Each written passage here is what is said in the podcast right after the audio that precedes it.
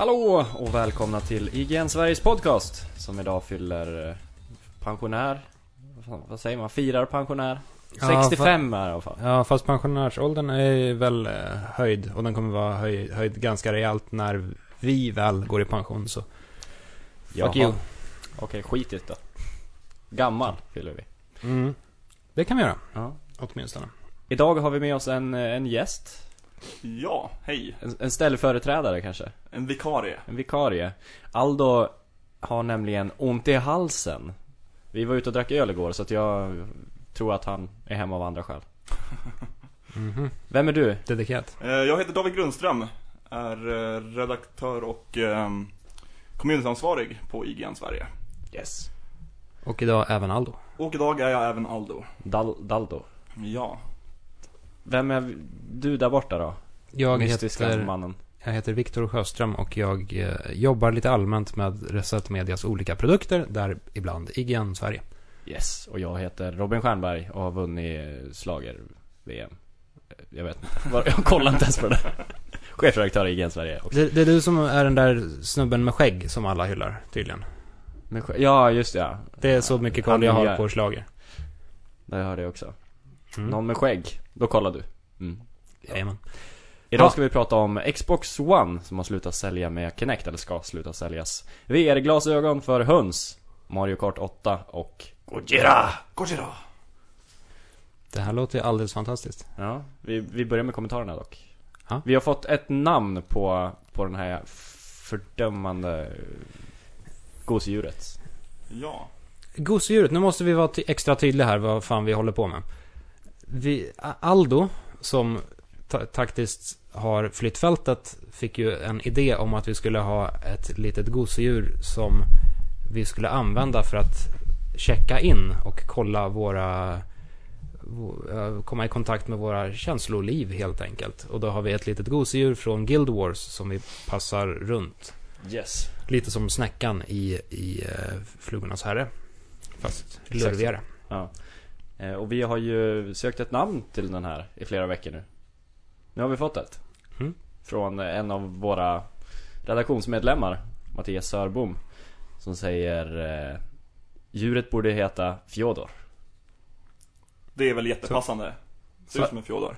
Ja, lite ryss. Ja, så väldigt ryskt av, av det lilla djuret. Ja. Vi sökte ju också eh, namnet på de som låter i Mario 64. Hur kom vi in på detta? Jo, vi snackade ju om allmänt Nintendo 64 i förra avsnittet, så var det. Yes. Vill ni höra Nintendo, Nintendo 64 så gå tillbaka och lyssna på Avsnitt avsnitt 64. 64. Twomp heter de i alla fall. Ja, det här är dock en sanning med modifikation, k- eh, kan man säga. För jag tror att vi var inne på eh, de här eh, stenplattorna som kastar sig framåt. Mm. Eh, och det är skillnad på dem och de som faller från himlen. De som faller från himlen är twomps. De Ja, som är? kastar sig framåt, det är womps. Så du kan Om jag har- ingenting Mattias. Om jag har förstått det hela rätt. You know nothing. Eh, apropå 64 så fick vi en kommentar från Sanoyas 75 också. Härligt när det är fokus på en 64. Pilot Wings 64 nämndes inte va? Nej, det gjorde vi inte. Fan, det Nu har jag nämnt det i alla fall. Fridens. Ja. Spelade ni det? Jag Jag först spelade det senare. Ja, samma här. Jag tror jag inte jag spelade någon gång när det väl släpptes. Nej. Jag, jag spelade det när det begav sig. Det var ytterligare ett av de här spelen jag köpte begagnat. Och det var ju, jag, jag körde även original Pilot Wings när det kom, men det var jag inte så jätteimponerad av. Jag tyckte det var lite tomt och Mm. Tråkigt, för det var ju mest bara en platt yta som man mode 7-ade Ja, sig var, runt var på. inte det ett av de första Mode 7-spelen? Eh, jo, det var ett, även ett av re- release-spelen till Super Nintendo. Eh, men Pilot Wings 64, det, det kändes som en helt annan grej. Det var ju eh, enormt imponerande, en- en- enormt stort för sin tid. Det fanns, finns ju en bana som är ett, ett litet mikro eh, USA, så de har tagit hela USA och bara krympt ner kartan. Mm. Så de, man har New York och så har man Mount Rushmore och så har man Cape Canaveral och allting är så här Alla godbitarna. Ja. Eh, mycket, mycket mysigt. Mm. Och så har det fantastisk eh, musik. Väldigt sexig musik. Bra spel. Hur låter sexig musik? Eh, vi kan säkert dra på lite. Den låter ju lite småporrig. Vi kan säkert dra på någon av Pilot Wings 64-låtarna lite medan vi, vi pratar här. Kan inte du göra lite sexiga ljud så kan jag lägga på det i bakgrunden? Lite sexiga ljud. Ja. Jag tror, jag tror att eh, vi hoppar över mina sexiga ljud. Är du intresserad av mina sexiga ljud så får du skriva en kommentar här nedanför och eh, beställa en p- privat eh, träff med mig. Så grymtar jag lite i, ja, grymtar jag lite i just ditt öra. David, vill du checka in med den där? Du, sitter och Ja, klämmer på precis. Fjodor. Jag är ju Aldos vikarie och det är ju Aldo som har infört att Fjodor ska checka in. Så tänkte att jag kanske ska börja då. Ja, var vi klara med kommentarerna? Ja. Jaha. Tack så mycket för... Eller du, det, Nej. Mattias skrev också Eller joystick. Att den borde heta det, Fjodor alltså. Mm. Glädjepinne, typ som känslopinne som Yes använder sig av i New Girl på samma sätt som ni använder er av djuret, typ. Mm. Glädjepinne passar ju lite med porrig eh, Pilot, Pilot Wings musik. Mm, ja, ja, joystick, jag... Ja, nej. Nej, det är ju Fjodor. Joystick går fet bort. New Girl däremot är en ganska trevlig serie. Mm, Jag vet att Aldo är väldigt inne på den. Han tycker väldigt mycket om Winston. just det, men han är ju bäst. Checka in var det. Ja, ehm, jag mår ganska bra. Trots gårdagens bravader. Eh, men det ska bli skönt att komma hem och sova ändå. Lite ytterligare. Och nu tar jag Fjodor, klämmer han lite. Och det är här Pilot Wing 64 låten går igång. Klassiker. Nej, vad är nu detta? Incheckningen avbryts. Av Jag kan inte checka in till signal. telefonen, det här går, går ju fet bort. Ja. Ja, Fjodor. Jag måste säga att jag mår också rätt bra idag. Jag eh, är sugen på helgen, för jag ska spela Dungeon Defenders hela helgen. Det är ett ny, ett spel jag och mina vänner har upptäckt som är förbaskat roligt. Så att det, det är fint. Viktor. Nu medan vi befinner oss innan, eh, eller mellan en incheckning så kan jag säga att Dungeon Defender det är det här eh, lite Tower Defense action rollspelsaktiga historien Yes. som man kan spela med split screen. Exakt, fyra stycken. Yes. Väldigt gräll estetik. Mm. Ser ut som World of Warcraft Lite Goes chibi. Mm. Ja. Jag mår bättre än vad jag gjorde i början av veckan. För, ja, början av veckan var- fullständigt miserabel. Jag blev eh, sjuk under helgen och på tisdagen så hade vi tidningslämning. Vi lämnade tidningen Level till tryckeriet, nummer 95. Och jag var helt däckad, men det var så pass sent i produktionen att det var ju alldeles för sent att lämna över artiklar och sånt på andra människor. Så jag fick helt enkelt eh, ligga i mina feberfrossor och skriva lite och sen däcka och sen skriva lite och sen däcka. Jag låg med laptopen bredvid mig i sängen och sen springa iväg lite, kräkas, däcka, skriva lite och det blev bara en enda, det blev en enda konstig röra av liksom att skriva stötvis och sen sova lite emellan och det blev inte alls njutbart. Men det känns bättre nu. Och det blev till slut en Megaman Zero-artikel av det hela. Och så Aldo, var jag... Aldo sa ju för sig att man inte får fråga något, men jag skiter i Aldo som inte han är här. Just det. Jag vågar ju inte säga emot så. Nej, exakt. För då För, för, du är, för du är Aldo. Ja. Hur blev texten? Eh, jo, men är, den, den, är den så bara dimmig? eh, jag har faktiskt inte riktigt läst igenom den på allvar sen jag lämnade den ifrån mig. Utan jag, jag litade på att de andra skulle redigera ihop den till någonting vettigt. Och det, det är lite så att förr eller senare måste man släppa en text också. Eh, det håller inte bara att sitta och kra, krama den hela tiden. Eh, men vi får väl se hur, hur den blir i, i tryck. Kanske har den hamnat upp och ner och bak och fram och Kanske årets text? Ja, kanske. Eller kanske inte. Eh, vi får se egentligen. Men så, så är läget. Och så var jag i, i eh, London igår. Normalt sett tycker jag inte om London eh, som stad. Men jag hade ändå ganska trevligt igår för det var förbannat vackert väder. Det var sommar. Så sprang runt lite på, på Trafalgar Square och hade solglasögon på mig. Det var trevligt. Det var en väldigt kort resa, eller hur? Ja, den var. Ja, den var extremt kort. Eh, flög väl dit klockan sju på morgonen, vilket är ganska standard för en London-pressresa. Eh, och planet hem gick redan klockan 17.00. Oj, Så det var tajt. snabbt. Ja, dit, spela, hem igen. Mm. Sen blev förvisso planet hem försenat på grund av flygledarstrejk i Frankrike. Eh, alltså de här små nissegubbarna som sitter uppe i flygtornet. De hade bestämt sig för att de ville ha lite fler baguetter. Och då ställdes eh, stora delar av flygtrafiken in. Så våra piloter som skulle flyga oss hem till Sverige, de blev fast någon annanstans i Europa. Okej. Och ja, blev försenade helt enkelt. Så du fick simma hem? Eh, ja. Men det löste sig till slut. Och nu är jag här och är redo att spela in podcast. Gött! Släng den åt helvete så går vi till, över till Tack, nyheterna. tack så mycket, Fjodor.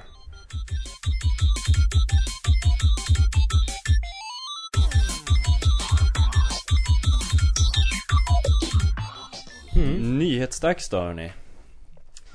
Kan ju börja med den första. Den första är den största, kanske? Kanske. Kanske. Microsoft slopar eh, Kinect kan man väl säga. Den 9 juni börjar Xbox One att säljas utan Kinect. För 399 dollar. Mm. Det här kanske inte... Jag tyckte inte det här var helt oväntat. Vad säger ni? Nej, de har väl backat med allting de har sagt Allt de tidigare har gjort ändå. det. Det är väl vad de gör den här generationen. De verkar ju vinna fans på det. Så. Ja. Ja, nej det är in- inte jätteförvånande på så sätt, men det är, det är ganska chock- chockerande att de tror så lite på sin egen vision. Eh, om man kollar på den Xbox One som presenterades förra våren så är det ju en radikalt annorlunda maskin än vad, vad vi har nu. Det här börjar ju bli mer och mer en PS4. Mm. Eh, och det här är lite paradoxalt tycker jag ändå. För eh, när de visade upp Xbox One förra gången, eller första gången, så var det, det var ju sagt att den skulle alltid vara uppkopplad, det skulle vara ett krav och eh, liksom eh, hit och dit. Eh, och den maskinen tyckte jag inte verkade lika intressant som en PS4. Så Nej. de har ju sakta närmat sig PS4 igen i, ja, attraktionsgrad. Mm. Och så det beror väl på också vad man är ute efter. Ja, men för mig personligen då. Mm. Jag, jag tycker bättre om den här typen av maskiner. Eh, samtidigt så tycker jag att det hade varit väldigt mycket coolare om de bara hade totalvägrat kompromissa överhuvudtaget. Och bara hade stenhårt kört på sin Mm. vision eh, redan från början. Och ja, inte ens slopat det här kravet om, om ständig uppkoppling. Kör på det också. Det, det, det på allting. då hade ju varit att då hade vi haft tre stycken väldigt olika maskiner. Mm, Nu kommer exakt. vi på två exakt likadana och en som är typ likadan fast med en ful läsplatta. Ja, det är lite kappvändarmentalitet över det här som, som gnagar mig. Största grejen är väl att den droppar ju pris typ en tusenlapp. Det tror jag är framförallt det de vi var ute efter. De, det är ju jättesvårt att konkurrera med en maskin som är tusen kronor billigare. Mm. Den har ju inte sålt lika bra som PS, PS4. Nej. Så, så är det ju. Eh, men samtidigt så, så känns det som att varken den eller PS4 har riktigt kommit igång heller. Ja, jag vet tusan om jag håller med där. De, eh, Playstation 4 är ju bäst, den snabbast säljande maskinen någonsin. Xbox Äh, One ja. är tredje. Jo, eh, alltså rent försäljningsmässigt, ja. Mm. Men jag menar, det händer ju ingenting. Nej, det kommer ju inga vettiga spel. Nej, det är, den biten jag menar. Ja, det känns inte som att den här ge- generationen riktigt har kommit igång. Och den kommer väl inte göra det förrän i höst, Nej. i princip. Och då får vi Destiny som släpps till allt. Ja, det blir ju PC i vilket fall. Ja, exakt. Ja, är det, det ska bli väldigt intressant att följa årets E E3, E3-mässa. Ja. För det känns verkligen som att eh, både Microsoft och Sony måste lägga korten på bordet. Del att bevisa, Ja. kanske. Och så även Nintendo naturligtvis. Det här är ju i princip deras, deras sista chans att en gång för alla berätta för oss varför vi behöver en Wii U. Mm. De kan ju, för jag tänkte på det här om dagen. De kan ju i princip rädda sitt år genom att släppa ett storspel i höst. Det var exakt som de gjorde förra året. De utannonserade, vad heter det, nya 3D World. Och sen kom det på hösten. Ja, jo det, det Så kommer att ju de, hända. de är ju jävligt duktiga på att hålla hemligheter. Mm. Det, det kommer definitivt hända. Nintendo kommer visa upp någonting som släpps till julhandeln. Mm. Som vi inte har hört talas om. Inte helt orimligt om det skulle vara ett Mario. Troligtvis ja. Ja, kanske ett nytt 2D Mario. Mm. New Super Mario Det kanske blir Year of Wario nu 2. då. Äh, Fy fan för Wario. Eh, det Nintendo skulle kunna göra är ju även, om man drar en parallell just till eh, Xbox One, det är att de skulle kunna slopa sin handkontroll. Yes. Och helt Det enkelt bara köra på en, en classic controller eller någonting. Bara för att bli av Sparka här. Iwata och lös det. På scenen, på Please E3-scenen. understand. Vad sa du? Please understand. Ja, exakt. Thank you, thank you please. Ja. Eh, apropå det att inte tro på sin produkt. Nintendo ger ju ut eh, ett gratisspel med Mario Kart 8 nu.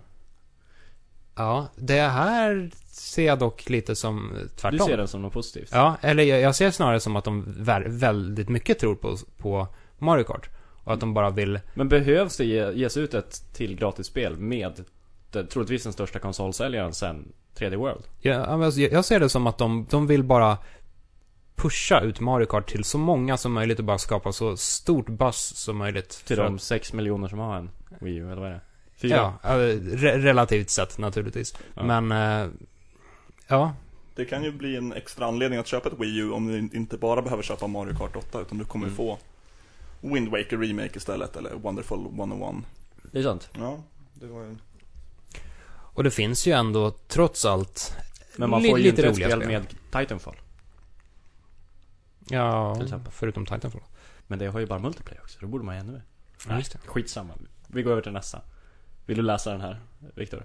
Här känns Det- inne på your alley. Ja, det beror på vad den handlar om. Du tänkte den alltså? Mhm. Ja, Den det är ju, ja. Den, det här är ju en ganska deprimerande nyhet. Får man ändå säga. En, en professor på Iowa State University vill alltså utveckla, och håll i hatten, en VR-hjälm för höns. För att förbättra deras livskvalitet. Den här eh, VR-upplevelsen ska alltså stimulera, eh, simulera, inte stimulera, simulera eh, öppna, öppna landskap, Mm. öppna fält som När de sitter hönsen, instängda där. hönsen kan vandra fast runt på. Och det här. Ja, det här är alltså tänkt för att förbättra kvaliteten hos... Och där kom Snake också. Det var alltså min lilla sms-signal. Eh, det här ska simulera öppna fält för eh, höns som föds upp inom köttindustrin, naturligtvis. Bland det mest dystopiska jag någonsin har hört. Ja. Det är helt sjukt. Ja, man, man får ju lite The Matrix-vibbar av Ja. det hela. De ska leva där i en liten virtuell värld. Därför Facebook köpte Oculus för så jävla höga, hög summa. För att klanka ner på höns. På med tinfoils hats. De vill in i hönsbranschen. Nej, det är ju vi människor de kommer ta. Jag undrar vad som händer sen när man tar av de här hjälmarna från hönsen efter en, ett halvt liv i en virtuell verklighet. Jävlar vad deprimerande. Det lär ju vara precis som The Matrix. Ja. Man bara coolar av. Ja. Vad fan var det för sms jag fick? Sälj din bostad. Nej, det vill jag inte göra. Sälj inte din bostad Viktor. Nej, jag ska inte göra Gör det. Allt eller inget. Inte just nu. Okej. Jag hoppar, hoppar över det. Eh, ja, nej, jag eh, hoppas att hönsen slipper VR och kanske får lite Kanske kan få van, vanliga öppna landskap öppna istället. Det lär inte hända. Tyvärr. Nej. Tredje nyheten, en utannonsering. Mm, David, vill du läsa den? det vill jag hemskt gärna göra. Det är då att eh, Far Cry 4 har blivit utannonserat. Yes. Eh, uppföljare då, obviously, på Far Cry 3. Under utveckling. Eh, ska utspela sig i Himalaya. Där en, ett område styrt av en självutnämnd kung. Och då ska spelaren forma sin egen berättelse. Det, har vi hört förut, kan Ja. jag tänka. Men Mm. eh, ja, Far Cry 3 var ju jättekul. Mm. Far Cry 3 var faktiskt eh, förvånansvärt bra. Ja. Jag tyckte framförallt gillar världen den var rolig. Ja. Väldigt skön arkadig känsla i det. Ja, bara köra runt typ och Cry 2. gå in i baser. Storyn sket jag fullständigt i. Mm. Mm. Storyn hade vissa eh, höjdpunkter också. I alla fall den första stretchen. Alltså, Ja. För att vara den typen av spel också, en extremt öppet spel, så tyckte jag att den löste storyn ganska snyggt.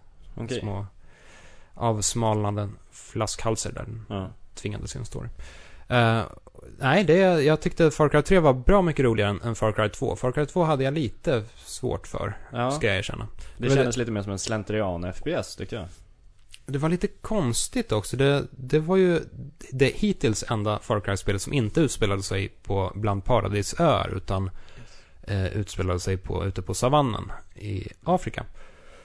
Eh, och det... Jag vet inte om det var just den settingen eller om det var gameplayen. Men det, ja, jag hade inte riktigt lika roligt med det som jag hade med både ettan och trean. Det var ganska löstaget sett från andra spel också. Det var inte någon ganska fast story. Man fick ju välja olika karaktärer att spela som. Mm, Jag tror att det kanske dummade ner händelseförloppet lite grann. mm. Ja, fin eld. Just det. Det var ju spelet som gjorde sig berömt för att man kunde sätta eld på, på gräset och så startade stor, stora gräsbrander som bara drev iväg med vinden och så brann alla fiender upp. Ett spel för Snoop Lion. Ja. eh, Far Cry 1, för den delen, det var ju riktigt coolt på sin tid. Yes. Det var spelet som, som klarade av att gå upp det brutala FPS-året 2004 och bara Mm. Ändå hålla stånd mot... Var det eh, Half-Life 2 som kom då? Ja, Ja, dels Half-Life Chernobyl. 2, sen Doom 3. Eh, Stum 3 var ju inte så bra. nej, men det var jävligt imponerande tekniskt Ja, jo, åtminstone. absolut. Eh, eh, vad, heter det?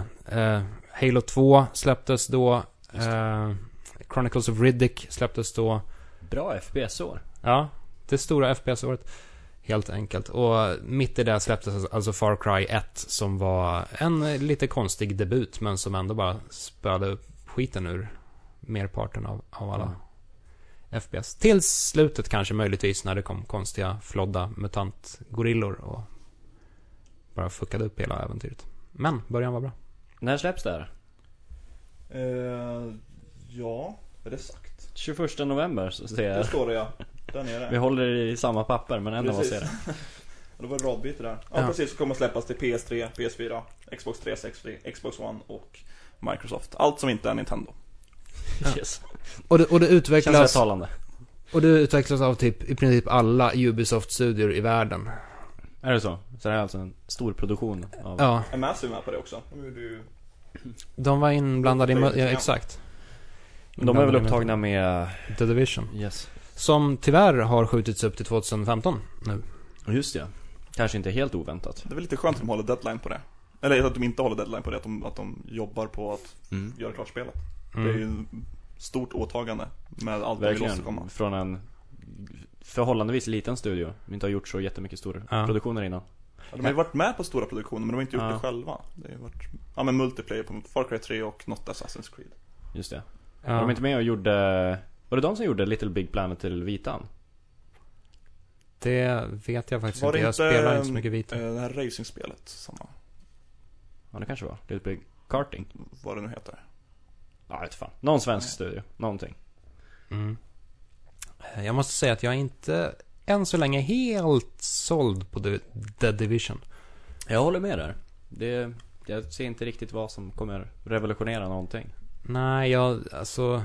Det är långt kvar och man har egentligen inte sett så mycket av spelet. Så jag, är- jag är öppen för, för nya intryck, Mm. naturligtvis. Men, ja, av det, ja, det som har visats hittills så... Inte helt övertygad. Om inte annat så är det spännande teknik, tycker jag.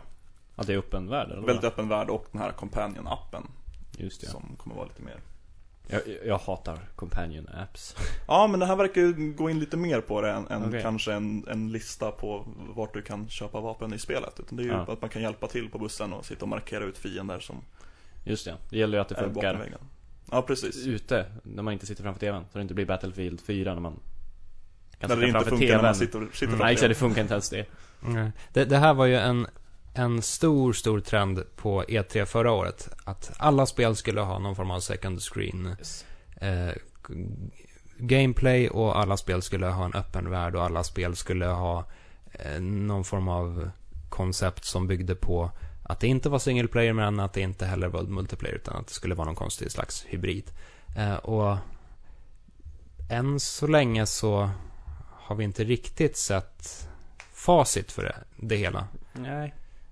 Men eh, det kommer bli intressant. The Division kanske blir facitet. Mm, vi får se. 2015. 2015. Believe.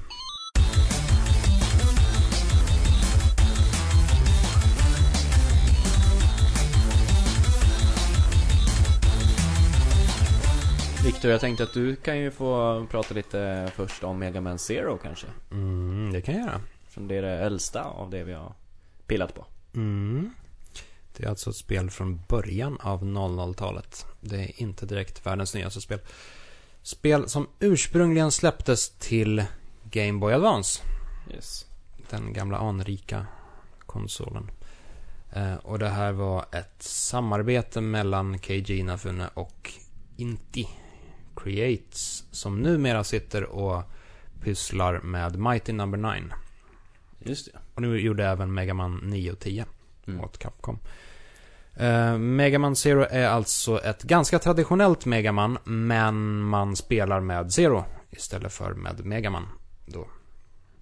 Och det är även ett väldigt svårt Mega Man. Upplägget skiljer sig väl lite grann från de andra? Ja, är det inte, ja, uppdrag? Ja, precis. Det är inte... Det har inte riktigt den här eh, fasta strukturen som tidigare Mega Man, att man väljer bland åtta bossar. Utan istället väljer man just uppdrag. Och det kan vara lite allt möjligt. Typ smyga sig förbi bevakningskameror eller stänga av någon manick. Eller eskortera Mm. någon snubbe eller sådär. Eh, Och det, det är ändå, det ger spelet en lite fräschare känsla. Eh, Och det utspelar sig alltså 100 år efter Mega Man X-spelen.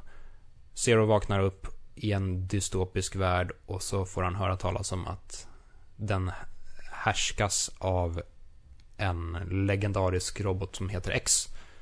Dun, det- dun, dun. Ja, och sen får man inte reda, reda på mer. Så det, det är en, en, ett coolt upplägg som Mm. bara pushar den framåt.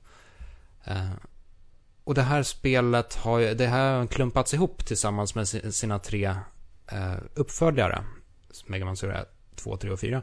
I en Mega Man Zero Collection. Hur är de andra spelen? Jag har bara spelat första. De är bra, de är schyssta. Mm.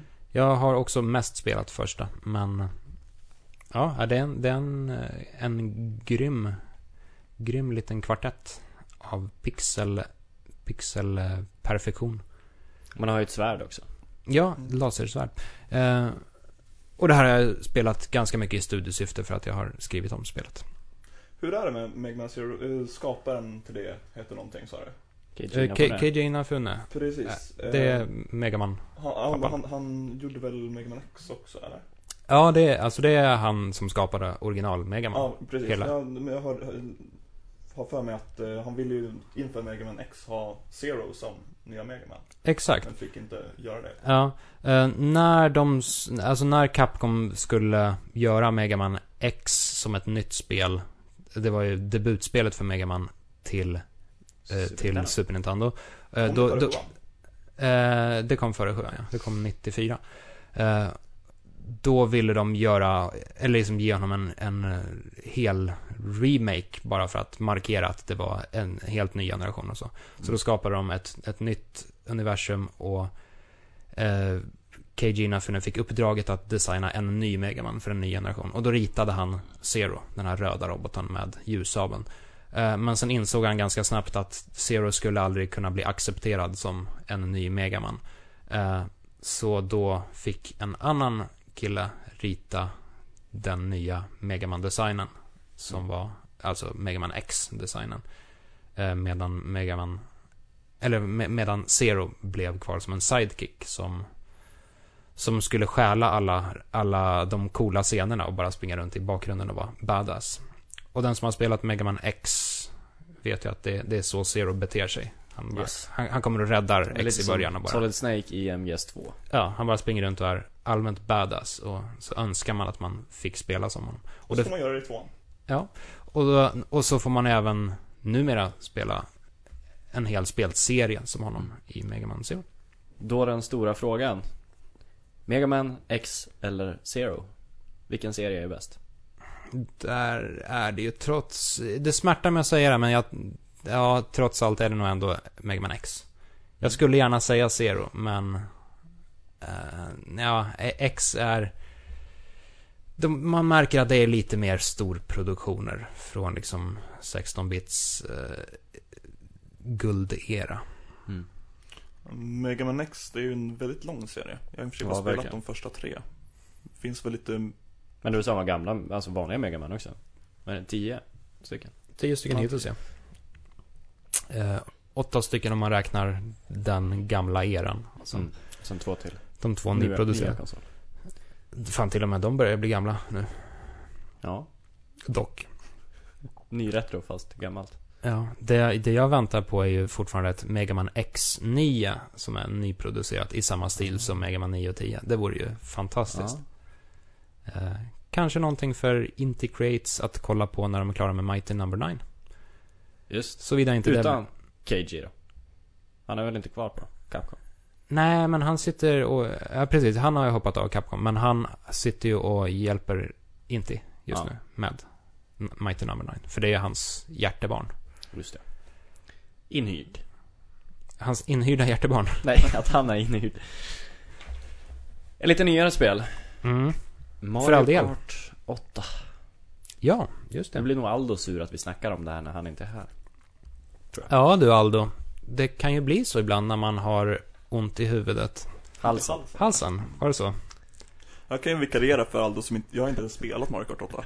Men gillar du de andra Mario Karten? Uh, ja, jo, jo, absolut. Vi ska väl ha en special Mario Kart någon gång? Det var tanken, men jag vet inte om vi hinner det. Ja. Nej men Aldo Jo, tycker men att Mario Kart du. 8 är skit. Det, Ja. det sa han. Sämsta Ja. någonsin. När jag fick ett styr, styrdokument över hur jag skulle bete mig som vikarie. Så. Ja. Får vara Klagade Al- satan. Aldoig. Ja. Ja. En, en Mario Kart special, det tycker jag absolut vi kör. Bara Ja. bankar igenom hela serien. Så Spel ska för vi spel. skita och prata om Mario Kart 8 då? Nej, det kan vi göra. Jag har inte spelat jättemycket. Har du spelat mycket? Ja, jag spelar. Vad säger du då? Hur är det? Hur står det sig mot de andra? Är det här anledningen att skaffa en Wii U? Det är... Det är bra. Det är bra. Jag ska väl direkt säga dock att jag alltid har varit mer av en F-Zero-kille än en Mario Kart-kille. Ja. Ehm, men det här, alltså det är ju jävligt snyggt. Och det är jävligt genomarbetat och kul. Trots allt. Mm. Eh, och det... Det har så, alltså det, det, det är kul att köra split screen med så, sån detaljrikedom och sån upplösning i, i Nintendo-universumet. För det, det, det har här man inte varit med om tidigare. Garanterat snyggaste Wii U-spelet. Mm. Måste det ju vara. Ja, det är brutalt snyggt. Faktiskt. Eh, det har tre nya föremål. Det har bumerangen. Som man kastar fram och tillbaka. Som Mm. jag tycker är lite sådär. Det, det är någonting med träffkänslan i den som jag stör mig lite på. Eller vad säger du? Ja, jag testade den bara en gång tror jag, men Okej. Ja. Jag, jag får inte riktigt samma tillfredsställelse av den som att träffa med ett sköldpaddsskal. nej. Den har lite större räckvidd väl också? Ja, en sköldpaddsskal? Ja, har den inte det? Den är Ja, väl lite bredare? kan väl gå eh, hur långt som helst. Ja, men jag tänker eh, sid, sidmässigt. Att den är lite bredare än ett skal, så det är lättare att träffa om någon är framför. Ja, det är väl kanske möjligt i och för sig. Bara att ett skal studsar ju. Mm. Eh, det har den här piraya-plant, eh, pi- piranha-plantan som man plockar fram, alltså en stor köttätande växt som hugger alla som kommer i närheten och när den hugger så drar den en framåt lite också. Just det. Eh, den tycker jag är skön, speciellt i, i klungor när man drar fram den och så bara köttar man rakt igenom. Eh, och sen finns supertutan som alltså kontrar det blå skalet om man tutar Just rätt. Den fick jag. Den var bra. Mm. Lyckades du kontra ett blått skal? Yes, det gjorde jag. Första Shit. försöket. Kan man få den när man är på första plats? Ja, det är väl då man får den va? Eller? Ja, man kan få den längre bak, bak också. Den, det får den lite- när man är sist. Ja, men den, den har ju en liten sån här splash damage eh, sfär runt omkring sig också. Just Smart. Eh, Det här har ju tagit, eh, har väl anammat lite F-Zero stilen då? Du som gillar F-Zero. ja, det är en... Det, ja. att säga det, att säga det känns ju dock lite som en förolämpning mot, mot F-Zero kan jag känna. Anammat sa jag inte, det är Mm. inte ett nytt för F-Zero. Ja, nej, Ma- Mario Trampa Kart. på en känslig tå där. Ja, jag tar mitt F-Zero allvarligt. På största allvar. Eh, det här har ju banor som går lite upp och ner och lite åt sidan och, och korkskruvar sig runt och sådär. Om Eh, jag säger att jag har anammat Wipeout då? Ja, hell, hellre det alltså. Trots allt. Ja. Det, det är ju faktiskt närmare Wipeout om man ska vara ärlig. För det har, det har ju lägre fart och det har eh, stort fokus på vapen. Sant. Så Jag tycker att det funkar rätt bra där med att köra upp och ner och Mm. runt och... Under vi- vissa delar av banorna så, så börjar de vrida på sig och då ändras däcken på, på kartan och så blir de magnetiska och så åker man upp och ner och Mm. har sig. Eh, lite märkligt inslag men Ja. det tycker Why jag... Ja, det, exakt. Det, det, det funkar och det gör att banorna blir lite spektakulära och så. Men det är, alltså det är ju inte att jämföra med, med eh, känslan i F-Zero. Alltså att köra en, i en loop i F-Zero, då, det, det suger ju verkligen i magen. Ja, det är ju som att åka berg och dalbana. Ja, det här det är ju mer en så här, ett pariserhjul. Ja. I så fall. Kopparna. Ja, lite så. Eh, men visst, det, det, är, det, är ett läckert grafiskt spektakel. Det är det. Ja. Väldigt synd att Nintendo inte tar F-Zero på allvar. Det är väl för att det inte har sålt nog bra. Ja, det, det är extremt synd, men det är även extremt... Ja, det är förståeligt. Ja, De liksom. borde ju, vad fan, släppa, göra digitalt bara. Ja, eller be- behöver inte vara en hög produktion. ge uppdraget till Capcom som de gjorde med Ja. eh, GX. Det var ju skitbra det också. Mm. Inte lika bra som X men Eh, GX sålde ju typ under en miljon, tyvärr. Så Mm. det... Ja, om man jämför det med senaste Mario Kart som sålde 33 miljoner. Så, då förstår, Förståeligt varför. Ja, då förstår man varför de vill Ja. pusha ut Mario Kart 8 istället. Så om man äger ett eh, F-Zero GX, är man då en del av den 1%? Mm, är man med i 10 000 metersklubben, kanske. Då fick man ligga på ett plan. Ja. Med, med mig åtminstone. Då får man ligga med dig om man har det. Ja, visa... Ja, vi, vi får ta en flygresa någon gång då. Mm, ta med ditt F-Zero GX. Så löser vi det. Eh, nej, men vad, vad finns egentligen mer att säga om Mario Kart? Det är Mario Kart. det ja, Kort, kort och gott. Eller jag, vad säger du? Du har ju också kört det. Vi körde mot varandra. Jag Ja. minns att jag körde Eh. om dig. jag tycker ju att det nästan kändes lite sladdrigare än eh, framförallt sjuan. Tre, alltså 3DS Mario Kart. Mm. Ehm, och på så vis mm, tyckte jag i alla fall innan jag lärt mig det väldigt mycket svårare. Mm. Eh, för jag körde bara dagen efter så tog jag upp sjuan igen och då direkt så satt ju det.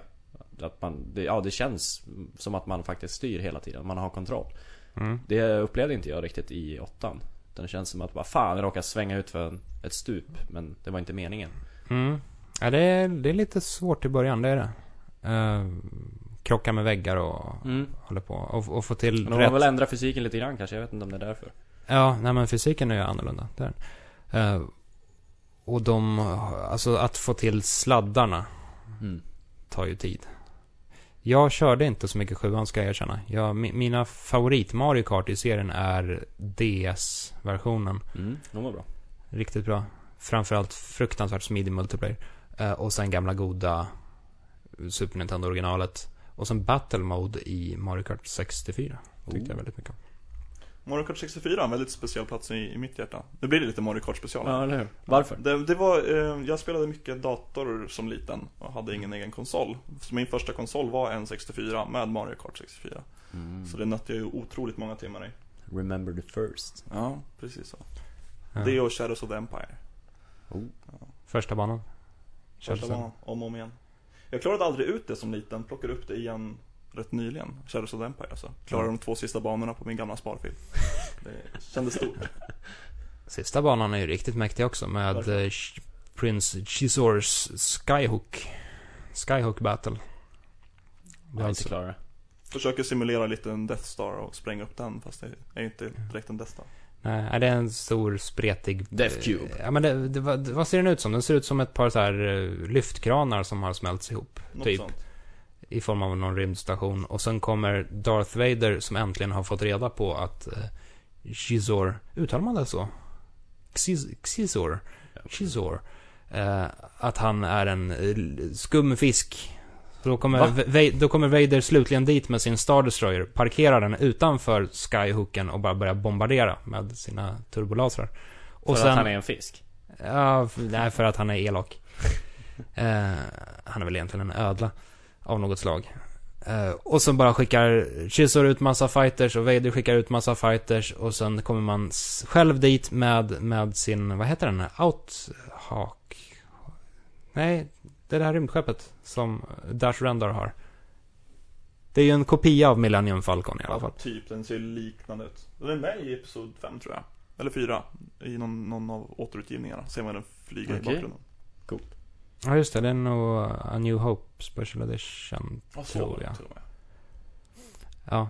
I vilket fall som helst, det är väldigt, väldigt mäktigt. Eh, ett väldigt mä- mäktigt rymdslag. Och lite kul också där att ma- man kan hålla inne någon av kontrollknapparna för att låsa kameran. När man ser...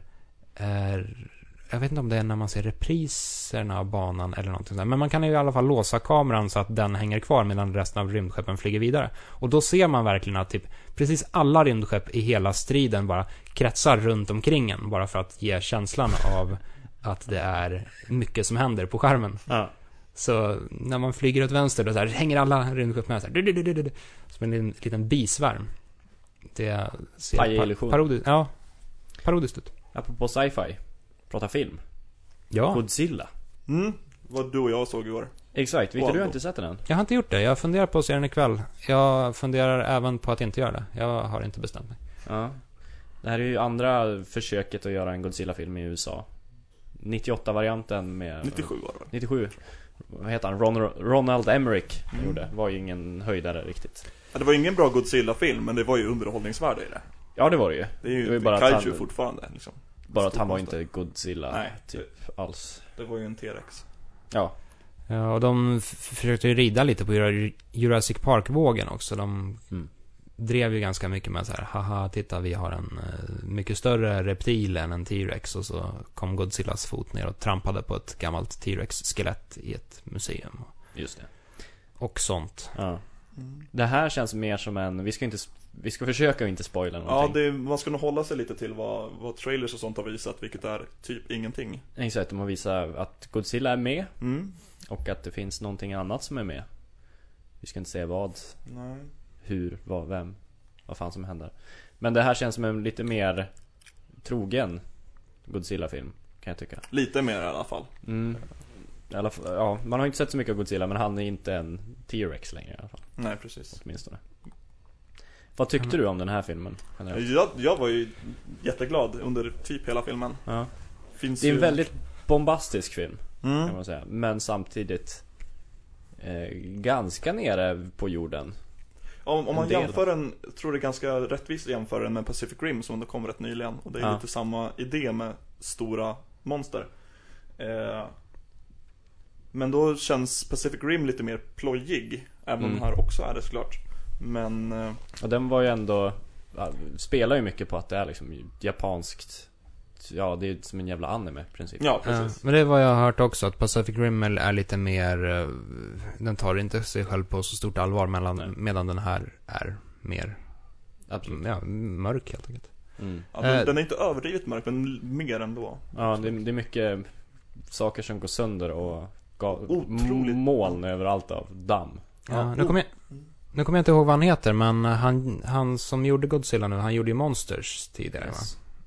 Som Jag kommer är en ganska, un, Edwards någonting heter han ja, ganska underskattad monsterfilm. Just. Jag har faktiskt inte sett den Är den bra? Den är väldigt intressant. Mm. En av mina favorit västerländska monsterfilmer är ju Cloverfield annars Mm. Den gillar jag också. Som är väldigt, ja, de filmar som Blair Witch Project och bara springer runt och allting går sönder i New Mm. Men ja, gillar man den så, så tror jag att man kommer uppskatta Monsters. Det är Okej. lite mm. närbesläktat. Vackert Väldigt snyggt fotografi också i Godzilla måste jag säga. Till mm. och från. Det var en, eh, det är en fin film. Ja, absolut. Snyggt gjort allting, vilket kanske inte är helt oväntat när det är 160 miljoner dollar som ligger bakom det. Eh, och det är Kick-Ass som springer runt. Springer runt och är snäll över hela jorden. Ja, det, är, väl- det är väl ingen spoiler, det är en amerikansk film. Det är en Ja. good guy. Inte bara Kickass, det är Walter White också. Precis. Ja, Walter White är med. I am the man who knocks the door. Han säger. I am the one who knocks. Hur funkar han då? Han funkar bra. Han funkar bra. Han är... Ja, en... Inte speciellt mycket Walter White Det, kanske. det var en men- väldigt typisk Bryan Cranston i filmroll. Ja, Han, han rubriceras ju som ett stort namn. ja exakt. Eh, gör kanske inte nödvändigtvis så mycket, men bra skådespel. Ja. Men skåd, skådespelarna fungerar bra alltså. Ja, Skådespelarna funkar väl bra, sen kanske manuset inte är jätteintressant. Det är ju lite tråkigt att huvudkaraktären, jag vet inte vad skådespelaren heter, men han som spelar Aaron Kick-Ass. Taylor någonting. Ja, något sånt. Eh, han är ju helylle amerikansk marinsoldat fast Ja, han Biff med babyface. lägger inte bomber, han desarmerar dem. Ja. Han är, Vilket är väldigt, det är väldigt viktigt att poängtera det, han gör det. ja, Tror till och med flera gånger i filmen. två, tre gånger. Så att det, är, det är väldigt am amerikanskt på så vis. Men jag tycker samtidigt att den känns inte lika amer amerikaniserad som jag tyckte Pacific Rim gjorde på vissa sätt. Den lägger lite mer skuld tror jag på Amerika, den, alltså nya Ja. För i Pacific Rim var det verkligen det här talet. We cancel the apocalypse. Det känns väldigt Independence Day. America, fuck yeah! Även fast de inte var i USA. Ehm, Mm. Och här är det inte riktigt det. Det var någon, någon sån där We pray for to God for Ja. Savior of America eller någon sån där skit. Um, God vs Godzilla. oh, det är nog Det blir nog tvåan. Det är tvåan. Ja. Jag, jag läste att, eh, vad heter han, Del Toro, eh, som gjorde Pacific Rim. Han var Mm. intresserad av att göra en crossover. Det hade varit fett. Det hade varit fett. Pacific Silla. Och så bara in med eh, Transformers i mitten. Oh. Explosioner hela tiden, tre timmar. Film of the year. Film of the Millennium. Ja, minst. Jag hade sett den. Ja. Har vi lyckats Kanske. övertyga dig att gå och se den här? Eller vi... Ja, jag var väl ganska peppad redan Den har ju fått början. väldigt blandad kritik kan, Ja, kan man jag har, hört, säga. jag har hört många som har sagt att den ska vara fullständig skit för att den Mm. ska ja, men, ha så här ointressant story, ha ganska halvdana skådespelarinsatser och jag har som sagt inte sett den själv så jag vet inte vad, Mm. vad som stämmer. Eh, och att den ska ha väldigt, väldigt förlegade könsroller och sådär. Men, Ja, verkligen. Ja, det var väl in... kvinnliga karaktärerna var inte... Den, den passerar ju inte Bechdel-testet. Nej, det var en kvinnlig karaktär med. Nej, två. två. Men ingen hade De någon personlighet alls. Nej, det gör de ju Mm. Ehm, Spoilers. Jag fick ju ett sms innan vi skulle se den här av Daniel Joseffe som är en skribent på IGN. Ni kommer ångra er, fly! Åtta utropstecken. Hur många var vi som såg den? Det var väl sex, sju stycken. Det var Ja. två som inte var jätte... En som var väldigt skeptisk. Ja. eh, Som hatade den rakt ut. Han sa till och med att han skulle se om den gamla God- 1997 Godzilla och han var ganska säker på att den var bättre. ja. Ehm, Den, framförallt, jag älskar i såna här filmer med långa uppbyggnader. Mm. Och det, det tyckte jag att den här lyckades bra med. Mm. Det var liksom en 40 minuter innan det riktigt började bli köttigt nästan. Ja, men det är ofta de faserna som är, som är coolast. Mm. Det är ju klassikern Aliens. Världens bästa uppbyggnad någonsin. Ja. Fan, vad är det? En timme innan de möter på? Ja. Och Vilket då är, bara... ja, vilket är anledningen till att jag tycker att originalversionen är mycket bättre än Directors Cut-versionen. Just det, i Directors Cut får man se dem innan eller vad fan är det? Ja, i Directors Cut-versionen så får man ju se hur... Just det, hur när de eh, åker ut i skeppet. Ja, precis. De åker ut till derelict-skeppet och sen kommer Newts eh, föräldrar tillbaka och då har pappan fått en facehugger i ansiktet. Och då får man faktiskt se facehuggern innan. Just det, och i originalet blir man lite så här.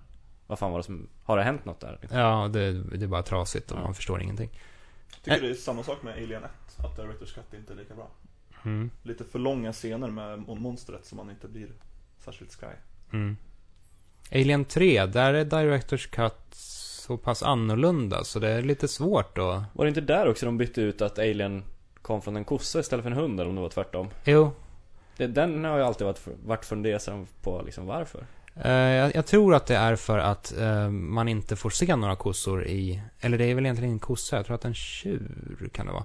Eh, man, får inte se dem i, i originalversionen, men, men i Directors Cut-versionen så finns det med en scen där de använder kor eller tjurar för att dra upp den här kapseln som störtar ner i havet.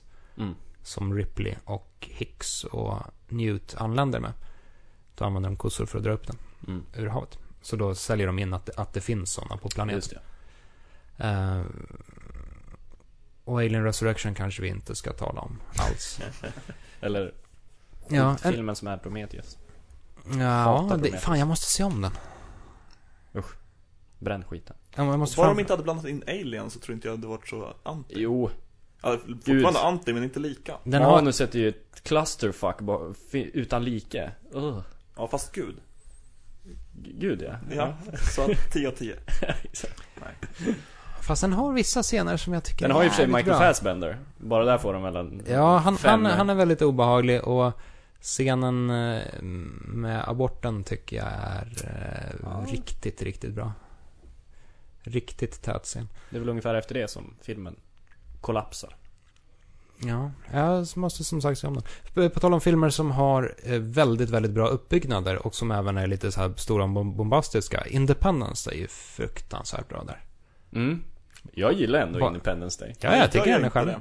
Du gillar den inte? Eller ogillar den inte, jag blir inte jätte... Alltså den är ju så jävla amerikansk så att det är helt Ja. sinnessjukt. Men det var väl också Ronald Emmerich som gjorde den? Som gjorde gamla Godzilla? Jag är Ja, ganska precis. säker på. Ja. Och där, det, där är en, verkligen en klasskillnad tycker jag. Independence Day eh, tycker jag är en bra katastroffilm. Godzilla är en katastroffilm. Där har vi också ett klassiskt tal. Ja, Från Bill Pullman. ja. Men vad fan, eh, ry- rymdskeppet som glider fram över månen och bara skakar sönder de mänskliga fotavtrycken. Det är ju Just det. mäktigt. Ja, det är bra. Och så här, den, objektet har brutits upp i mindre eh, fragment och typ det saktar ner och så här.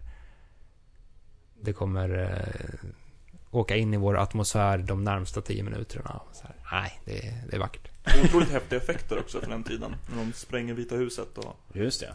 Mm. Höga huset i Los Angeles. Det är lite maffigt. Ja. Jag var på premiärvisningen av, av Independence Day på Rigoletto och då körde de någon där lasershow också. När de hade, de hade plockat in någon stor laserkanon av något slag som de hade i Rigoletto och så skrev de typ Independence Day med laser och så kör de lite rökmaskin har jag för mig. Du är bara 10 av 10. Det är kanske är därför jag tycker om Independence Day. Ja. Jag minns fortfarande laserstrålarna. SF spelade Mind Games. Mm. Ska vi avrunda där och gå Det, över det är om till- Mario Kart då. Ja, kanske ska och ska, ska snacka film. Ja, vi får starta en filmpodcast istället. Får vi göra. Jag vill i alla fall rekommendera att man går och ser den här. Om man gillar bombastiska apokalypsfilmer. Även om man inte gillar det, för det är kul att ha en åsikt. Ja. Kunna klaga. Ja, det är väl förvisso sant. Ja, och har man en Wii U så köp Mario Kart för allt i världen. Ja. För det är väldigt snyggt. Det är bra. Så går jag till eh, veckans ämne.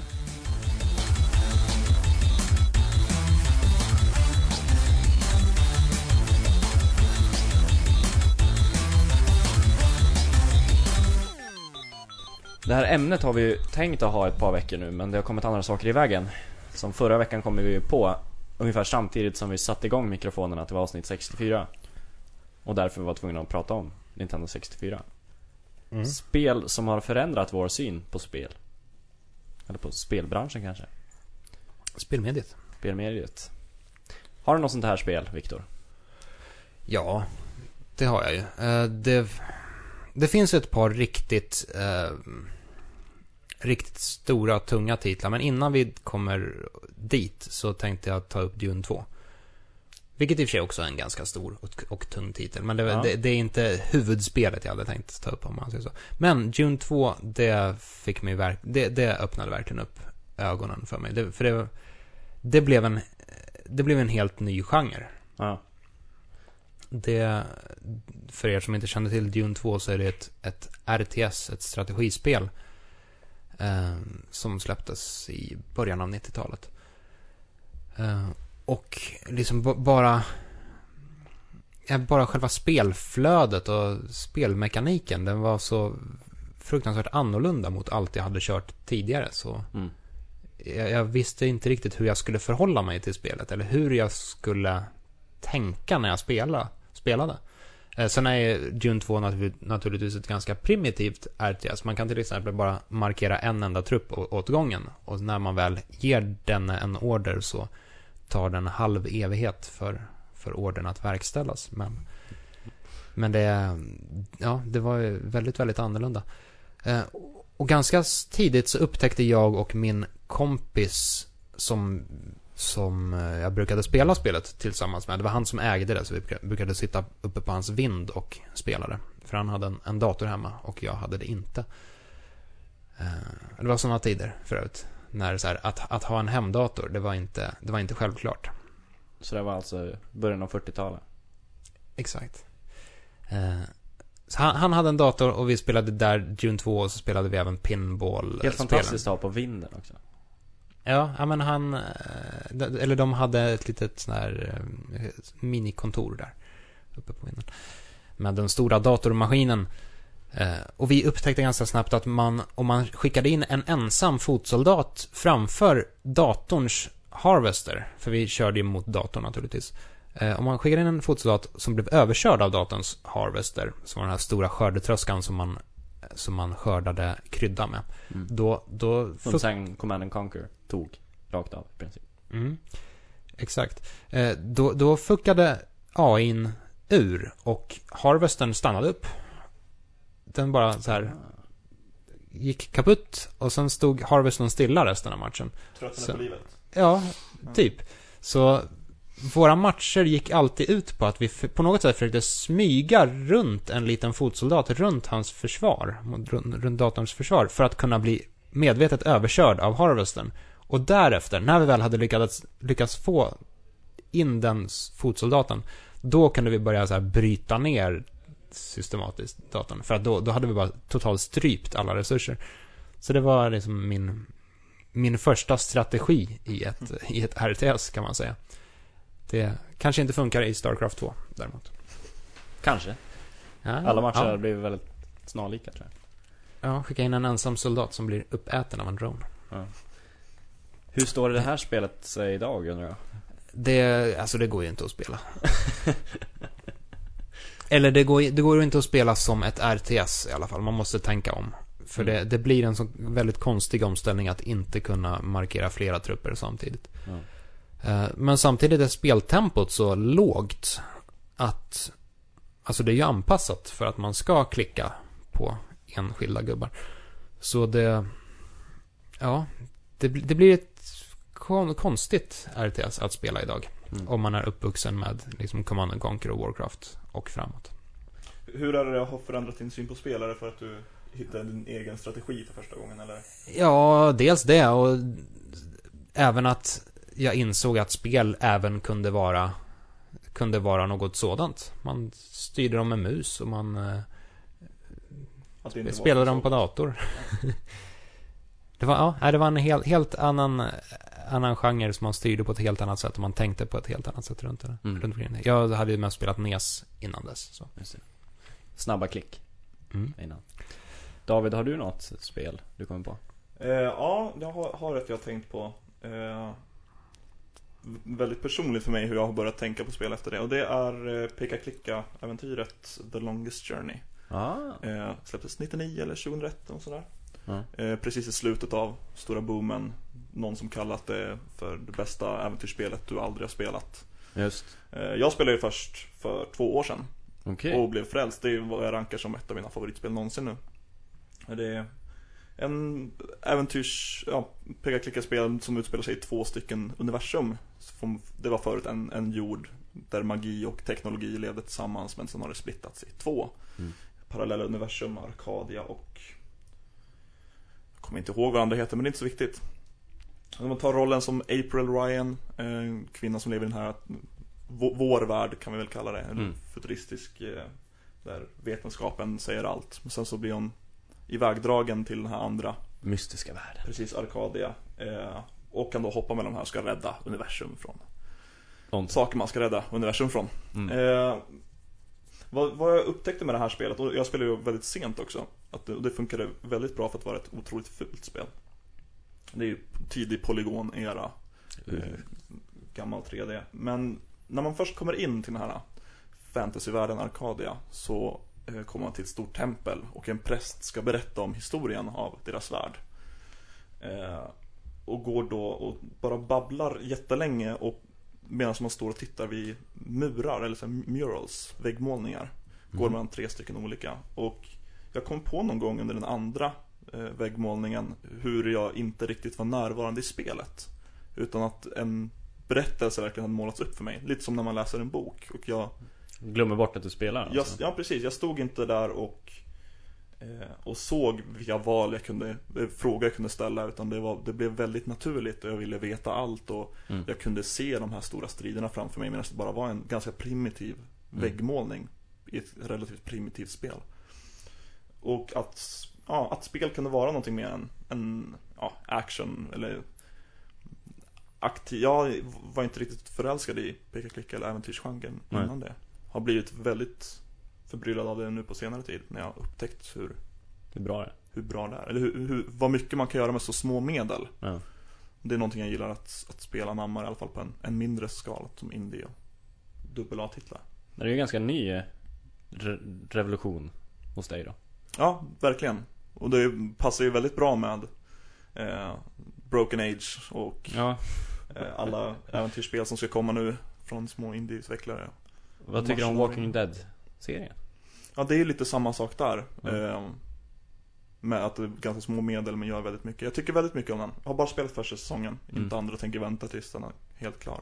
Apropå zombies så vill jag nog säga Zombier. Resident Evil. Zombier, fan. Det här hade, snackade vi om igår också. jag trodde det skulle uttalas zombies. Mm, ja, alltså zombies är ju en... en Engelskt. Ja. Ja. Man är engelskskadad. När ändå zombier finns som term så använder man zombier. Apropå zombier då. Bra där! Gosh.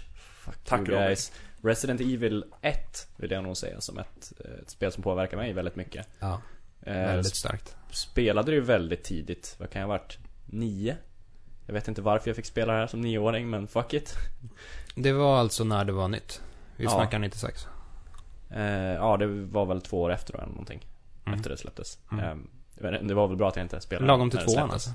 Alltså det? Lagom till Resident Evil 2 man Exakt. Det är, vi hyrde ett Playstation 1 eh, med Resident Evil. Varför nu vi fick hyra det vet jag inte heller men eh, Och jag blev helt fast i det här För jag hade inte heller tänkt Spel som en berättelse innan eh, Nej. Nu kan man väl klanka ner ganska mycket på Resident Evil för att det är en jävligt löjlig berättelse Ja, Men do, det försöker ändå berätta någonting ja, alltså Resident Evil är ju en B-film, men i och med att det inte fanns några andra spel som kändes filmiska på, Mm. ja men typ något sätt så var det Förutom och def- klicka då möjligtvis Men jag spelade aldrig på dator som ung Nej, det blev ju liksom per definition det bästa. Ja. Det, det bästa och mest filmiska spelet man hade. Och jag måste nog tacka Resident Evil framförallt eh, För att jag lärde mig engelska som liten Det är också en sån Fantastisk grej med de våldsamma spelen Det är lite kul callback till tidigare med Shadows of the Empire. Det fick jag också Just väldigt tidigt och eh, det har jag min engelska att tacka för. Mm. Jag ville veta allt så när pappa inte kunde sitta med oss och spela då skrev jag ner allting som stod i Okej. eh, konversationsrutorna. Sprang ner till honom på nedervåningen, fick en översätta och så sprang jag upp. Så det gick bra i engelskan efter det. Ja, exakt Gick det åt helvete. Sen gick det åt helvete Ja. Vad var det för engelska ord du lärde dig av Resident Evil? Herb First Aid Kit Beretta Nej, jag vet. Sånt som... Vanliga viktiga ord. Ja, exakt. Sånt man använder i vanlig Ja. Och, av, och Shadows of the Empire? Nej, men det var väl mer syntax, eller man kunde förstå vissa utsatta ord men att sätta dem i meningar och, och översätta dem till vad som inte lät primitivt för sjuåriga David i Lapplands skogar. Eh, vet, jag kan inte komma på direkta ord utan det var ju mer jag kunde få grepp om meningarna. Mm. Men Det var väl samma för mig också. Själva dialogerna i sig. Det här var ju innan Antar jag man började lära, lära sig engelska i skolan. Men vi började lära oss det i, i tvåan och Ja. jag spelade när jag var sju tror jag. Ja. Så ettan. Oj. Jag tror inte vi började lära oss engelska förrän i fyran. Förrän i nian. Direkt Så var det när jag flyttade ner till, till Sollentuna. Då började vi lära oss det i fyran. Och då hade de samma bok som jag hade i tvåan. Yes. Så Bra där. då var jag The understimulerad. Solentina Way. Ja. Resident Evil står sig ju inte jättebra idag. Kan jag tycka. I alla fall inte första. Ja, nej men det... Det är så pass... Jag kan tycka att det är Det- så, så pass klassiskt att det, det, det får nästan någon annan betydelse nu. Ja, men det är ju väldigt tomt. På ett sätt som inte tvåan är sen. Hur Mm. tänker du nu? Det finns ju inga saker i korridorerna. Det är tomt överallt. Och där har man en zombie i en korridor där borta. Och det är väldigt simplistiskt nästan. Mm. Om man tittar tillbaka Har du det. spelat remaken till GameCube? Yes. Den är grym. Där är det lite mer. Den känns ju lite mer Mm. modern på så vis. Fantastiskt. Första Resident Evil tycker jag påminner ganska mycket om de första Alone in the Dark på så vis. Mm. Ganska enkla i sin natur Mm. på något sätt. Jag tycker att det... Att de är så jävla enkla och avskalade, det gör att de blir ganska charmiga att spela idag. Mm. Jag spelar gärna om Resident Evil, det var det att jag inte riktigt blir påverkad på samma sätt. De är ju inte läskiga längre. Nej. Framförallt. Ja, jag och en kompis försökte spela igenom remaken eh, Mm. rätt nyligen. Var så jävla peppade. Fortfarande skitsnyggt. Ja, absolut. Men det slutade med att vi bara blev sura och kallade det för världens sämsta skitspel. För att när du dör så, om du har du glömt savea. Ja, just det. Och man glömmer bort att det fanns en tid när man behövde savea. Att det inte var automatiskt. Ja. Så kommer man lite för långt bak. Det, det tycker jag Resident Evil gjorde väldigt bra. Att man inte hade evig ammo. Och man hade till och med ganska begränsat med ammo. Ja, att inte ens spara kunde spara. Nej. Nej, det gjorde ju att man faktiskt fick tänka sig för att så här, nu ska jag på en liten utforskarrunda. Jag kan ta med mig liksom alla mina vapen, men då kommer jag inte ha plats för att så här, plocka upp några föremål. Mm. Jag kan även ta med mig, så här, jag låter hagelgeväret ligga, men vad fan, tänk om det då kommer en hunter, då, då är jag Det kört. Väldigt begränsat. Ja, på ett intressant sätt. Mm. Jag, jag uppskattar det. Och jag tycker att nu har Resident Evil gått för långt åt andra hållet. Med för mycket ammo. Ja, nu är det ju ett actionspel. Ja, och det är lite synd. Eh, första gången jag körde igenom Resident Evil 1 så var det utan minneskort. För jag, jag fick eh, Resident Evil i födelsedagspresent. Och då fick jag inget minneskort. Och så fick jag inte minneskortet förrän i julklapp. Eh, När fyller du år? oktober. Så det, ja, det var inte jättelångt. Men jag blev ganska bra på första halvan av Resident Evil. Så jag brukade i alla fall komma ut till The Guardhouse, döda Plant 42 och springa tillbaka in i huvud. Och sen kom jägaren. Precis, sen kom Huntersarna. Och det var flera gånger som, som jag he- helt enkelt bara plötsligt fick huvudet eh, avslaget av en Hunter. Och sen bara, game over, och så fick man börja om från början med Wow, what a mansion. Captain Wesker, where is Chris? Och de vackra handrörelserna. Mm. He's gone! Ja, nu syns inte det här men... Stop Fuck it. it! Don't open that door. Läskiga bossar i Resident Evil 1. Vad heter hon, hon den här ah, som man knuffar ner i en... I ett hål? Lisa Trevor. Lisa Hon var inte med i originalet då. Det är Nej. inte. Det är remaken kanske. Yes. Ja, hon är bara remaken. Obehagligt. Däremot finns ju storyn bakom i alla fall hennes pappa i Mm. original ettan. Som byggde huset. Ja, och ja, vad var det för andra bossar? Det var Ormen, det var Plant 42, det var Hajen om man kunde räkna den som en boss. Det var väl inte riktigt springboss. Nej, ja precis. Sp- Springa undan från Hajen. Yes. Eh. klassiska. Och Titan Tyrant. eller vad han heter. Tyrant. Tyrant, Tyrant. precis. Mycket obehaglig snubbe. Mm. Eh, Har ni några andra titlar som Ja. har påverkat? Ja, ja, absolut. Eh, Doom och Wolfenstein var ju fruktansvärt coola. Ja. Första gången man spelade. Innan dess så var ju inte spel tredimensionella. I regel. Nej men det, det var ju faktiskt så att så här, Ja. mer, merparten av spelen man spelade var tvådimensionella. Och sen plötsligt dök Så det var den grafiska skillnaden som gjorde det, eller vadå? Ja, det, nej, det blev ju en helt ny dimension att kliva ut i. Alltså plötsligt kunde man spela spela åt alla håll och kanter. Det var, och återigen, det var ett helt nytt sätt att tänka på. Mm. Eh, och bandesignen började gå åt alla håll. Det var... Det, det är en så här svår grej att greppa idag. Att så här, ja men visst, 3D är ju 3D, men Mm. Om, inte självklart om, nej, om man inte har någonting tre- tredimensionellt att jämföra med, då, då blev 3D-revolutionen så väldigt, väldigt påtaglig. Uh, samma sak med Mario 64, Mm. när det kom. Eh, och alla Mario-spel tidigare hade, hade gått ut på att man går framåt, eh, från vänster till höger. Och det är så en Mario-bana ser ut. Och sen nu plötsligt så är en Mario-bana inte en Mario-bana längre, utan en Mario-bana är en värld istället. Där man kan, istället för att gå till höger, så går man och ställer sig bakom ett träd istället. Eller så hoppar man... en kvart. Ja, eller så bara går man ner för en backe och så hoppar man ner i en, eh, i en sjö. Och så simmar man runt där. Eller klättrar upp i ett träd. Ja. Det tyckte jag var jättehäftigt. Ja. Mind blown. Ja, i de här 2D-träden som... Ja, just det. Ja, men jag kommer ihåg att jag tänkte att så här, men det här, det, det är ju som verkligheten. Jag, jag kan... Ja, men på, på så sätt att jag, jag kan jag kan välja lite var jag ska gå. Jag, jag kan... Här kan man vara. Ja, Här kan man vara. precis. Jag kanske går och ställer mig under bron. Det vet man inte. Fan ska Fan. Shigeru Miyamoto säga då? Vem Ja. kan stoppa mig? Ja. Kanske de här... Ja. Vad heter de? Womps? Womps. Womps och Tomps. Skilj på dem.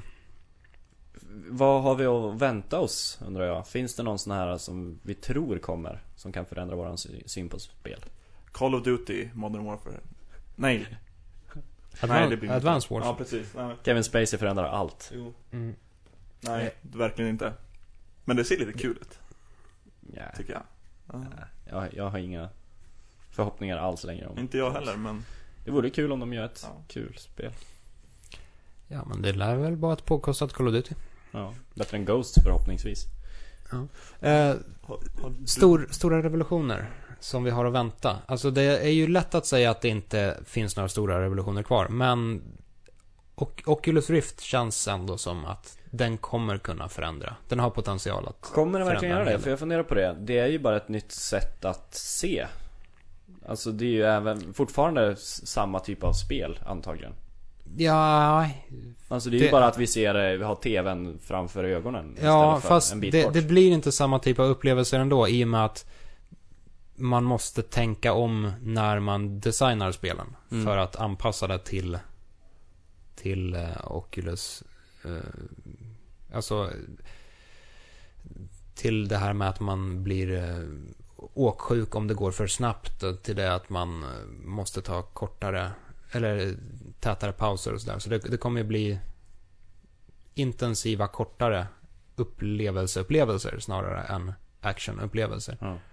Och det, det i kombination med att man verkligen hamnar i världen. Det, Är inte Det det, i sig en ganska enhetlig eh, utveckling av spelbranschen? Att fler och fler spel blir ju, det är ju kortare upplevelser. ja, fast... Ja, Mobilspelen, alla kortare actionspelen som släpps nu, multiplayer online. ja, Allting går jo, ut på att det ska gå snabbt. Ja, korta. fast... Fast det, det känns som att, som att spelbranschen drar åt två håll här också. Att dels har vi sna- snabba kick-spelen eh, med bara munsbits eh. Men det är ju även många spel som försöker etablera sig som, som rena hobbys nu också. Alltså Alltså MMOs eller vadå? Ja, jag, jag tänker på att st- storspelen blir ännu större. Att så här... Borderlands får en prenumerationstjänst eller... eh, I Season Pass. Ja, Battlefields är, är tänkt att spelas över flera månader Mm. framöver. Och det... Så det blir fortfarande Battlefield då, framförallt. Att du går in och spelar ett par matcher. Ja. Troligtvis. Upplägget är ju ändå så. Ja, Det är jo. inte att en online-match är, håller på i fyra timmar. Nej, men spelupplevelsen är ju designad för att, för att eh, kunna köras typ ett år. Jo, jo, men där tror jag man ska skilja. Eh, för så är ju mobilspel också anpassade. Du skulle kunna spela det en kvart per dag, men du ska hålla det i tre år liksom. Ja, jag tror inte att mobilspel designas för att Nej, hålla så länge. Inte tre år kanske, för då är det tre generationer iPhones. Men under en längre period då. Ja. Facebook-spelen också, Farmville.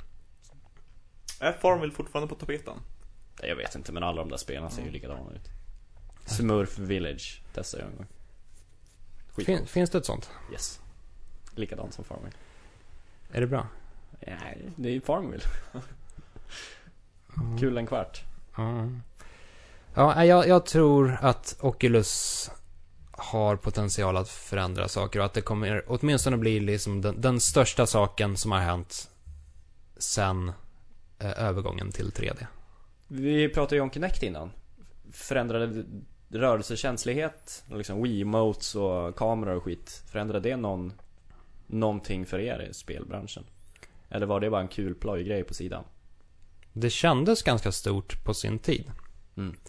Det gjorde det absolut. Eh, första gången man höll i en Wiimote, eller jag, jag, kommer alltid komma ihåg första gången jag höll i en, i en Wiimote. Det, liksom det, det var en så pass stark upplevelse att Mm. wow, den, den känner av vad jag gör i, i den fysiska verkligheten. Eh, Så det förändrade din syn på spel? ja, det, det, var i alla, det skapade i alla fall förhoppningar. Mm. Där och då. Kollapsa. Ja, då var jag i och för sig ganska trött och det var mitt på, på E3 och så här, spelet var eh, vad heter det? Wii Sports Tennis. Just. Så det är, det är ett extremt bra spel att dem- demonstrera den, den tekniken med. Mm. David, vad tycker du? Förändrade det någonting för dig? Eller kan det bli någonting, tänker jag. Nu släpper ju till och med Microsoft mer och mer på Kinecten liksom.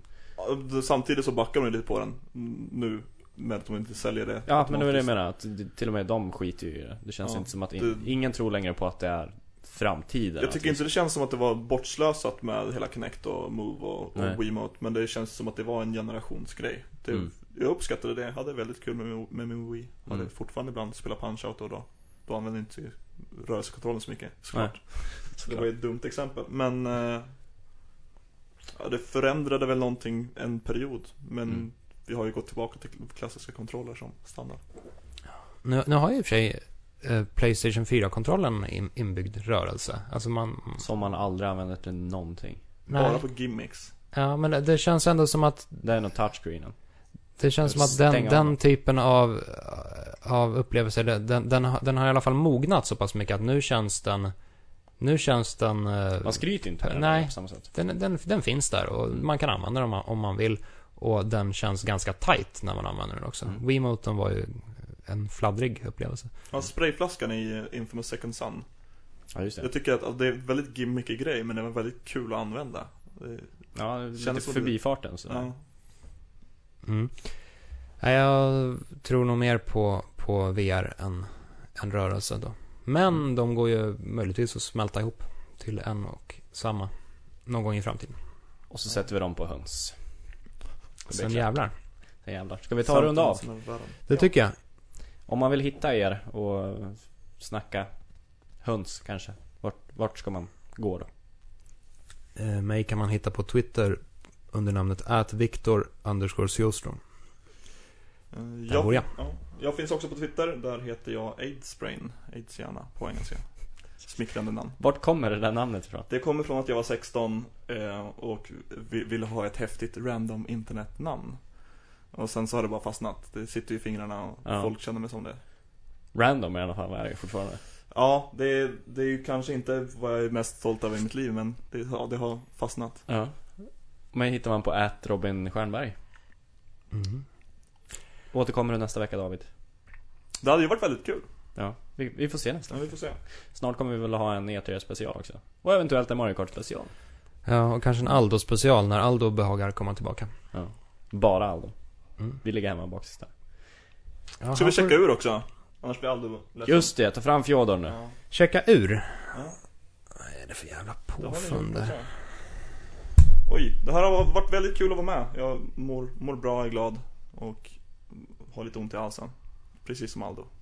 Det är bra. Anammar allt. Ge till Robin. Ja, nu håller jag i Fjodor. Jag är lite upphetsad. Och med det lämnar vi Fjodor. Upphetsad av eh, Pilot Ungs 64-musiken. Troligtvis. Det är den som går här i bakgrunden, kanske.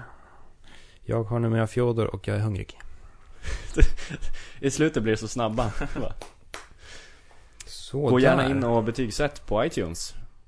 IGN Sverige. Sök. Eller lämna kommentarer i eh, kommentarsfältet på se.ign.com. Eller mejla. Eller mejla rstjernberg at ign.com. Mm. No secrets. Har inte fått några hemligheter än. Jag kan skicka hemligheter till dig. Gör det. Kommer läsa upp dem. Säg att det är du. Paja allt. Vi, vi syns nästa vecka. Det Hörs. gör vi. Sköt om. Ha det bra. Hejdå! Hej!